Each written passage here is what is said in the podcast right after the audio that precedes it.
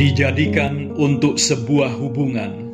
Bagian ketiga Kejadian 3 ayat 10 Ia menjawab Ketika aku mendengar bahwa engkau ada dalam taman ini Aku menjadi takut Karena aku telanjang. Sebab itu aku bersembunyi. Alasan Adam bersembunyi adalah Karena ia takut. Dan alasan mengapa ia takut? Karena ia telanjang dan mengapa ia menyadari ketelanjangannya itu karena dosa. Di dalam kejadian 3 ayat 7 dikatakan, Maka terbukalah mata mereka berdua dan mereka tahu bahwa mereka telanjang. Lalu mereka menyemat daun pohon ara dan membuat cawan. Kalimat sebab itu aku bersembunyi adalah perwujudan yang pertama dari rasa takut ketelanjangan dan kesadaran akan dosa, tetapi tidak segera diakui dan dibereskan. Dosa memang merusak persekutuan manusia dengan Allah, bahkan mengakibatkan manusia harus mengalami kematian. Pertama-tama kematian rohani, kemudian kematian moral, dan akhirnya kematian secara fisik.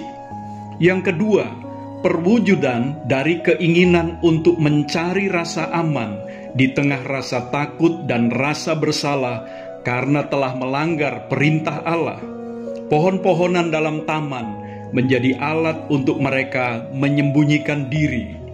Saudaraku, dosa memang selalu merusak persekutuan di antara kita dengan Tuhan dan juga dengan sesama kita manusia tetapi sebetulnya bukan hal itu yang terburuk. Hal terburuk yang merusak hubungan di antara sesama saudara seiman atau dengan orang lainnya adalah dosa-dosa yang tidak diakui, yang malah disembunyikan melalui alasan-alasan tertentu untuk membenarkan tindakan berdosa tersebut.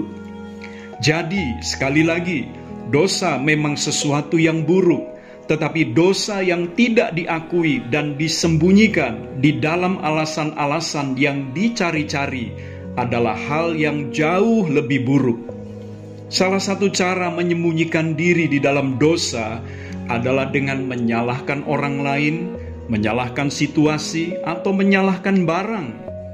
Banyak pelaku pembunuhan dengan motif sakit hati terungkap setelah pembunuhan itu terjadi mereka menganggap korban mereka sebagai orang yang bersalah karena lebih dahulu menyakiti hati mereka.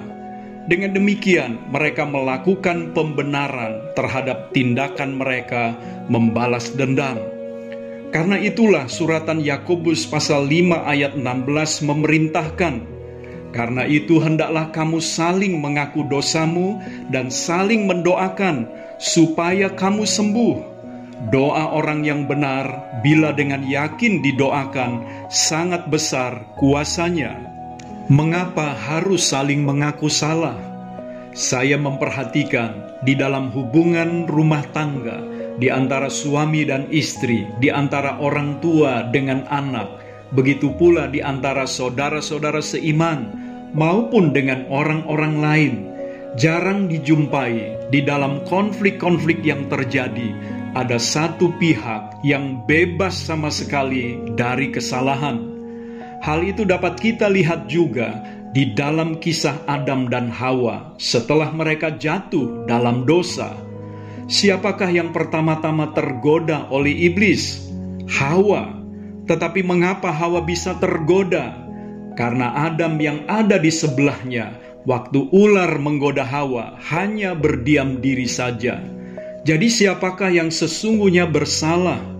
Apakah Hawa saja atau Adam saja atau kedua-duanya?